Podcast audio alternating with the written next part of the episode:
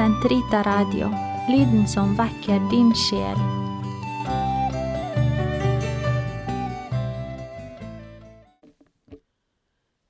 Den katolske kirkes katekisme, uke 9, onsdag, paragraf 1174 til 1181. Tidebønnene Kristi mysterium, hans menneskevordelse og hans påske, som vi feirer i Eukaristien, særlig søndagens eukaristi, gjennomsyrer og forvandler hver dag og time ved at tidebønnene feires, det guddommelige offisium. I trofasthet mot apostlenes anbefaling om å be stadig, er tidebønnen slik innrettet at både dagen og natten i sin helhet helliges gjennom Guds pris.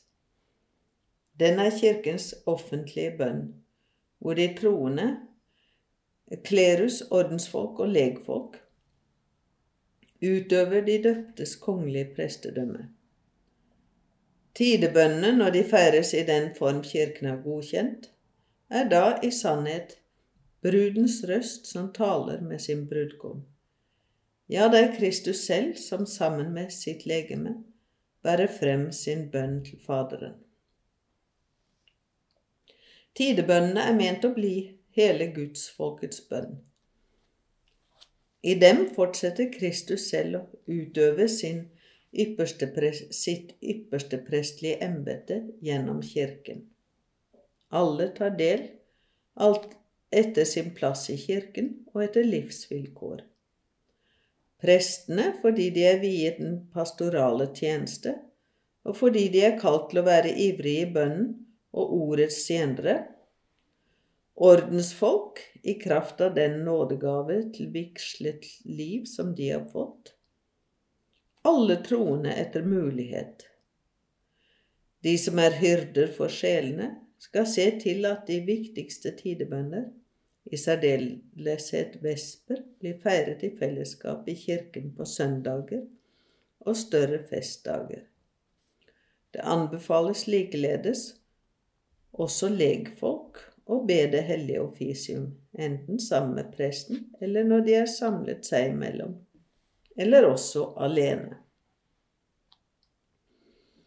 For å feire tidebønnene kreves det ikke bare at stemmen er i samklang med sinnet i bønn, men også å skaffe seg bedre kunnskap om liturgien og Bibelen, i særdeleshet salmene.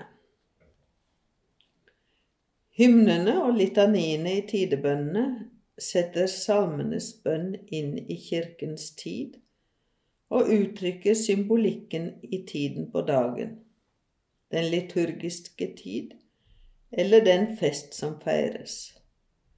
Dessuten utdyper lesningen av Guds ord ved hver tidebønn med påfølgende responsorier eller troparier og ved noen av tidebønnene, lesningene fra fedrene og fra åndelige læremestere, meningen med det mysterium som feires, gir dypere innsikt i salmene og forbereder til stille bønn, lectio divina, hvor Guds ord leses og mediteres over, for så å munne ut i bønn har på denne måten sine røtter i den liturgiske feiring.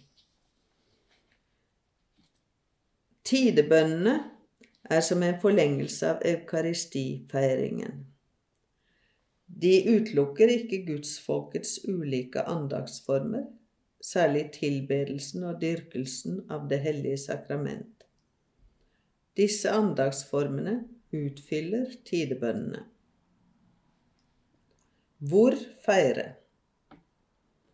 Gudsdyrkelsen i ånd og sannhet i den nye pakt er ikke bundet til ett bestemt sted.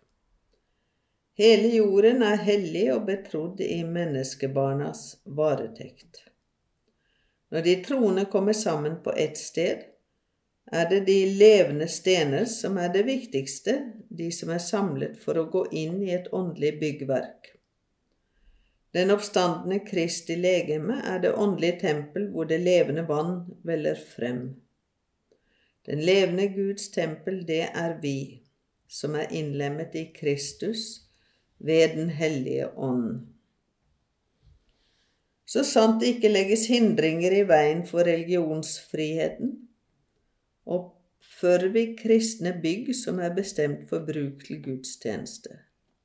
Slike synlige kirker er ikke rene forsamlingslokaler, men de viser til og synliggjør Kirken som bor på stedet, Guds bolig hos mennesker som er forsonet og forenet i Kristus.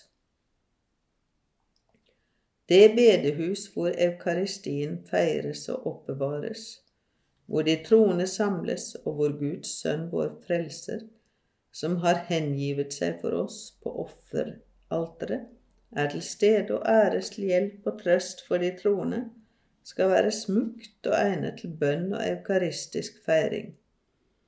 I dette Guds hus skal sannferdighet og samsvar mellom de tegn som det er sammensatt av, synliggjøre Kristus som her er til stede og handler.